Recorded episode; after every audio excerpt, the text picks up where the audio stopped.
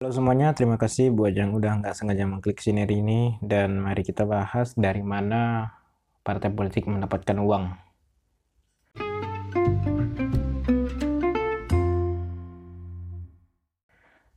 Nah, untuk waktu yang lama uh, gue cukup bertanya-tanya dari mana ya partai politik itu dapat uang gitu kan.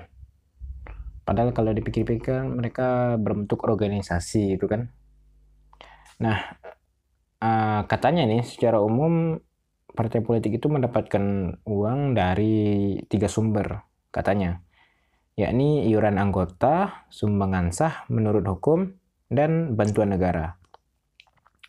Nah, dua poin yakni iuran anggota dan sumbangan sah menurut hukum itu pemasukan yang tidak menentu karena rendahnya upaya partai dalam mengumpulkan iuran anggotanya dan juga rendahnya kepercayaan publik terhadap partai sehingga membuat publik enggan menyumbang kepada partai politik. Orang nyumbang buat yayasan gitu kan, buat amal itu itu aja masih jarang gitu kan masih ada yang nggak percaya sama beberapa platform sumbangan gitu kan apalagi yang namanya partai politik gitu kan nah akibatnya partai politik sering kali membebankan kebutuhannya pada kontribusi anggota yang duduk pada jabatan publik mereka umumnya diwajibkan membayar iuran wajib bulanan sebesar 10 sampai 40% dari gajinya. Selain itu, mereka biasanya juga diminta untuk mendanai kegiatan partai politik seperti musyawarah nasional, pemilihan umum, dan ulang tahun partai politik. Nah, sedangkan untuk sumber uang yang dari bantuan negara, kenapa negara eh, ikut membantu? Uh, maksudnya kenapa negara membayar sebuah partai politik? Karena kepengurusan partai politik ini disahkan oleh pemerintah dan ini terkait dengan Undang-Undang Nomor 2 Tahun 2011, yakni keberadaan negara sebagai pelayan publik, yang mana itu haruslah, haruslah memenuhi hak-hak sebagai warga negara dan organisasi masyarakat. Jadi partai politik ini dihitung sebagai organisasi masyarakat. Nah, terus bagaimanakah pemerintah menentukan jumlah yang harus diberikan kepada partai politik itu? Nah, semua itu uh, ada daftar harganya sendiri gitu kan. Jadi ada yang namanya daftar harga per suara anggota DPR atau DPRD. Untuk anggota DPR RI uh, itu diberikan Rp1.000 per suara sah yang didapatkan oleh anggota DPR itu. Dan untuk anggota DPRD provinsi itu dihargai Rp1.200 per suara. Dan untuk uh, anggota DPRD kota dan uh, kabupaten dan kota itu dihargai Rp1.500 per suara. Jadi semakin kecil lingkup kekuasaannya semakin tinggi uh, harga per suara yang diberikan. Namun harga per suara ini juga bisa dikondisikan sesuai dengan keadaan ekonomi dan perkembangan ekonomi yang ada pada daerah itu sendiri. Contohnya seperti Jakarta. Itu di Jakarta DPRD-nya itu tidak mendapatkan 1.200 atau 1.500. DPRD Jakarta itu mendapatkan Rp5.000 per suara. Karena uh, seperti kita tahu banyak sekali perputaran duit yang terjadi di Jakarta, banyak sekali UMR-nya UMR-nya aja 6 juta kalau nggak salah kan. Dan untuk APBD-nya sendiri itu bisa mencapai 80 80 triliun per tahunnya untuk uh, kota Jakarta. Nah, makanya kalau keuangan pemerintahannya baik dan uh, uh, berkembang di atas rata-rata lah gitu kan. Jadi tergantung ekonomi dari daerah itu sendiri dan sehingga boleh ditambahkan apabila mampu. Dan uh, hanya dari bantuan dari negara itu sendiri itu partai politik mungkin bisa mendapatkan ratusan miliar per tahunnya. Tapi itu masih tidak cukup. Kenapa?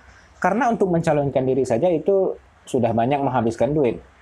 Untuk mencalonkan diri sebagai anggota DPR dan DPRD itu bisa habis ratusan juta bahkan sampai miliaran. Sedangkan kalau ada anggota partai politiknya menjadi ikut uh, pemilihan kepala daerah, itu sudah pasti miliaran habisnya, miliaran. Dan di dan di Indonesia sendiri itu kan ada 34 provinsi. Jadi pasti nggak cukup lah kan ratusan miliar itu yang didapatkan oleh partai politik pasti nggak cukup lah. Nah makanya wajar wajar apabila ada yang namanya mahar politik yang mana ketika ada seorang yang mencalonkan diri sebagai kepala daerah yang mana orang itu bukan dari partai politik itu sendiri. Jadi kan uh, ketika kita mencalonkan diri sebagai kepala daerah, kita memiliki dua opsi, mau lewat dukungan partai atau lewat independen. Nah, kalau kita ingin mencalonkan diri lewat dukungan partai, Uh, maka otomatis kita harus mendapatkan minimal 20% dukungan dari kursi DPRD atau DPR eh, kursi DPRD yang tersedia di daerah itu itu sendiri. Dan satu kursi DPRD itu bisa dihargai satu miliar bahkan lebih oleh partai politik itu sendiri. Makanya untuk adanya praktek mahar politik ini itu sangat masuk akal sepertinya mengingat bahwa biaya politiknya sendiri juga besar gitu kan. Jadi bisa dibilang mahar politik ini merupakan salah satu juga sumber uh, uang partai politik. Karena lumayan juga kan satu kursi satu miliar bahkan lebih gitu. Bayangin kalau di daerah itu ada 100 kursi. Jadi kan harus dapat 20 kursi. Nah, anggaplah satu partai politik itu cuma punya 5 kursi di DPRD-nya itu lumayan juga dapat 5 miliar gitu kan. Itu minimalnya aja gitu. Dan nggak heran ya kayaknya. Lebih banyak uh, kepala daerah yang melakukan korupsi daripada anggota DPRD atau DPR ya ini anggota legislatif. Lebih banyak kepala daerah yang melakukan korupsi. Karena biaya yang dikeluarkan miliaran rupiah. Sedangkan gajinya itu bahkan nggak sampai miliaran gajinya gitu kan. Bahkan ratusan juta nggak sampai gajinya. Orang goblok mana coba yang mempertaruhkan miliaran rupiah untuk mendapatkan belasan atau bahkan uh, puluhan atau bahkan cuma belasan juta gitu kan? Orang gila pasti mah nah sedangkan untuk pemilihan legis legislatif kan itu uh, kurang lebih ratusan atau maksimal 1 2 3 miliar gitu kan untuk uh, kampanyenya. Tapi gajinya lumayan besar. Belasan, puluhan, ada tunjangan juga kan. Jadi anggota DPRD itu pengeluaran ketika kampanye nggak terlalu banyak, pemasukan ketika terpilih ya lumayan. Makanya uh, jarang juga kasus uh, anggota DPRD atau DPR yang korupsi gitu kan lebih banyaknya ke uh, kepala daerah. Dan sebenarnya ya partai politik ini nggak peduli uh, berapa banyak uang yang didapatkan dari bantuan negara. Nggak peduli berapa banyak karena sepertinya mereka bisa cari jalan sendiri ya untuk menghasilkan uang. Dan tujuan utama mereka itu bukan uangnya. Tujuan utama mereka bukan bantuan negara. Tujuan, tujuan utama mereka bukan uh, mendapatkan iuran, apalagi sumbangan. Tujuan utama dari partai politik itu adalah untuk mendapatkan kekuasaan di berbagai level pemerintahan. Jadi ketika kamu mendapatkan kekuasaan, di situlah kamu akan mendapatkan uang uang belum tentu bisa mendapatkan kekuasaan.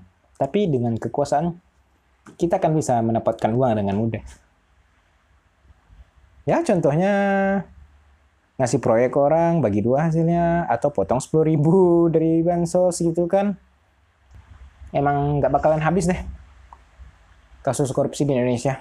Kalau biaya politiknya masih semahal itu gitu kan.